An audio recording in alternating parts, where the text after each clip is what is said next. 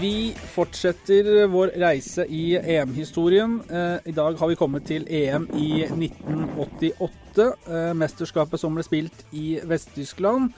Og det blir for mange huska for Marco van Basten sin fantastiske skåring i finalen mot Sovjetunionen. Det er en skåring som du også husker, Halvard Thoresen?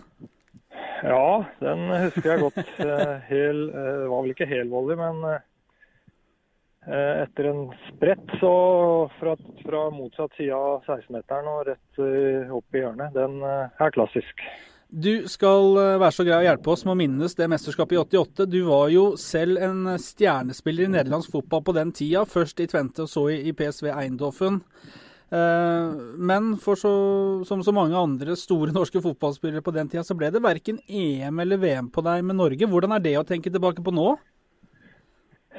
Ja, nei, jeg, jeg ser jo det at nivået i Norge nå er eh, høyere og jevnere. Eh, og det var vel nesten det vi mangla på den tida. Vi Mm. hadde en del bra spillere, men ikke mange nok. Er det surt å bla i minneboka og se at det bare får vi si anførselstegn, ble vanlige landskamper og kvalikkamper?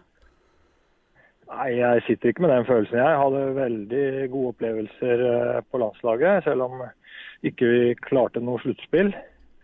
Eh, Så det er ikke vemodig i det hele tatt. Det er morsomt. Men eh, Halvard Thoresen, hvordan husker du det europamesterskapet i 1988? Ja, det, det var jo et fantastisk år for, for nederlandsk fotball, og spesielt PSV, som jeg spilte i den gang. Mm, Vi vant jo både serien og cupen og serievinnercupen mm. det året. Og i tillegg da så de gutta fra laget som var på landslaget, de vant jo da EM i 88 Mm. i Tyskland. Og, og stort bedre går det ikke an å gjøre det. Hvis, hvis, hvis vi ser på, eh, ser på mesterskapet som sådan, Frankrike, eh, som med, som vant i 84, de var ikke kvalifisert. De hadde mista mange av sine stjerner fra, fra tidligere mesterskap, eh, men selvfølgelig Nederland med. Og de hadde jo et storlag på gang med spillere som du sier, du kjente godt. Ruud Gullit, Frank Rijkaard, eh, Ronald Koeman, Marco van Basten, for å, for å nevne noen. Og, og du som har vært i Nederland og kan dette her, hvordan er det vi sier disse navnene? Hvordan uttaler vi de? Ja, du var, du var ikke så gæren. Uh, Gullit er vel kanskje det vanskeligste for deg? Gullit. Ja, nesten. Ja, nesten, ja. Rijkaard, da? Eh, så har du von Basten, den er jo for så vidt grei. Koman også. Ja. Uh, det er G-er vet du, og SCH som er annerledes Ja. i, i nederlandsk. Og IJ, da, som i Cruyff. Riktig. Eh, Så- ja, så, men eh, vi greier oss ganske bra i Norge på de uttalelsene, syns jeg. Ja, men det er bra. Men du skal huske på det at eh, du snakket om at vi ikke var kvalifisert til EM-sluttspill, og, og det er jo riktig, selvfølgelig. Og, og det hadde med det nivået og jevnheten å gjøre. Men det var også mye vanskeligere å kvalifisere seg på det tidspunktet. Det var Ja. jo bare åtte lag som kvalifiserte seg. Ja. Det er mye tøffere det enn å kvalifisere seg til VM f.eks. Ja. Så sånn sett så skulle det kanskje vært gøy å, å vært uh, ung i dag og kanskje fått, en, uh, fått en ny mulighet til å, til å være med. Ja, den, den uh, er såpass langt vekk at den tenker jeg ikke på. Den muligheten. Men du spilte jo sammen med Hulit og Koman og Gerard Vanburg og Hans van Breukelen. Hvordan blir Breukelen på uttalen da? Brøkelen. Breukelen. Ja, Så det var ikke så halvgærent det heller, da. Nei ja, nesten. Men du spilte jo, du spilte jo eh, sammen med disse her eh, i, i PSV. Hvordan var det å følge utviklingen av dette storlaget liksom fra nært hold i nederlandsk fotball? Altså, du, du jobber jo med, med de perspektivene hele tiden, hver dag, ut og inn. Så du blir liksom inni ei egen boble. Det er litt vanskelig å, å se det utenfra. Ja. Eh, Fordi du jobber med små detaljer i relasjoner, samspill, eh, helhet og individuelt. Eh, Men det er klart det var eh, bygd opp gjennom noen år med veldig mange gode spillere, først og fremst.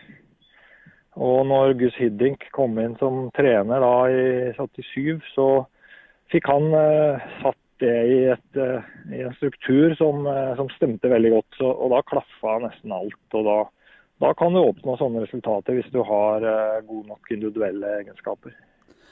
Hvordan var, var, det å være norsk eh, stjernespiller, for det var det du var i, i, i Nederland på den tida? Jo, det var moro, det.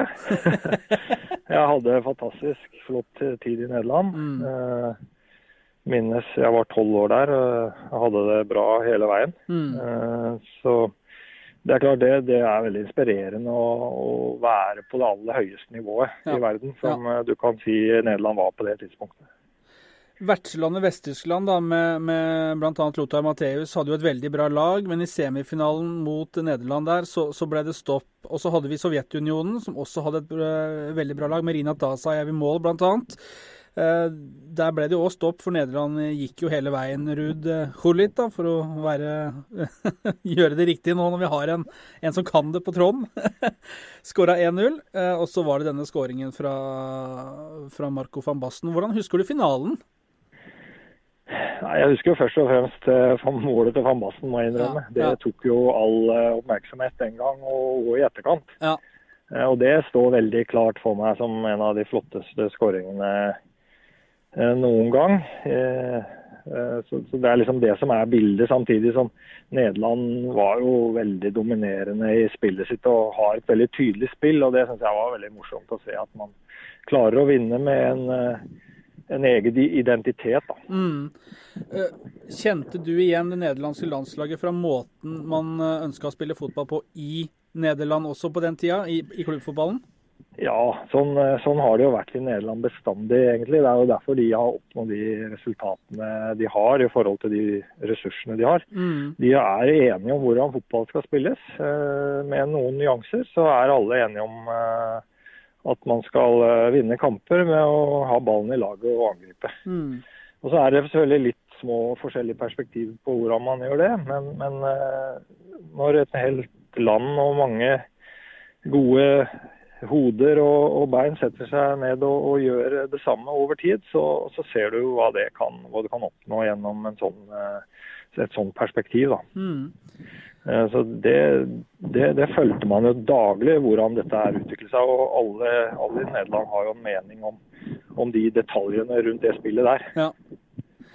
Men det har blitt liksom kun den ene internasjonale store tittelen på, på, på, Nederlands eh, landslag. Hvorfor har det ikke blitt flere, tror du? Det har vært noen VM-finaler og sånn, eh, med all respekt, men det er kun én tittel? Ja. Nei, det er jo vanskelig å si. Det er jo utrolig små marginer. Jeg har jo tre VM-finaler. Mm. Hvor eh, Jeg husker jo godt i Argentina f.eks., hvor eh, Nederland eh, treffer stolpen rett før full tid, og Argentina vinner da framgangene. Mm. Så liksom det er veldig små marginer, og nærmest umulig å forklare hvorfor. Ja, ja. Men nå er de ikke med i, Frankrike i sommer. Hvor ser du liksom veien videre for, for, for det her laget du nå, sånn eh, fra, her hjemme fra Norge? Jeg har ikke fulgt det så tett nå, men det er jo en, en, en av de største skrellene i internasjonal mm. fotball synes jeg, noensinne. Mm. At Nederland ikke skal være blant de 24 beste lagene i Europa. Ja. Uh, og, og, det syns nederlenderne selv også. Så det er klart de er i ferd med å snu hver eneste stein uh, for å se om dette er noe fundamentalt, eller om det, om det kan være noe tilfeldig med noen generasjonsskifter og uro i troppen og, og det ting som også er kjente problemstillinger i Nederland. Og hvis mm. du får alt det på likt, så er det klart, da, da fungerer ingenting. Da fungerer ingenting. Men det blir jo et, eh, altså, er, det blir et litt fattigere EM da, uten Nederland, og ikke minst uten den nederlandske fansen. Ja, ja det gjør faktisk det. Men eh, sånn er jo fotballen brutal. Hvis ikke du er god nok, så får du heller ikke lov å være med. Og det, det må jo alle forholde seg til. Men eh, nederlandsk fotball, lag og fans, som du sier, eh, er jo fargeklatt på, på fotballkartet. Eh, det var en eh, liten reise tilbake til 88. Vi skal takke legenden Halvard Thoresen så mye for hjelpen. Og i neste episode så skal vi til Sverige og snakke om dansk dynamitt.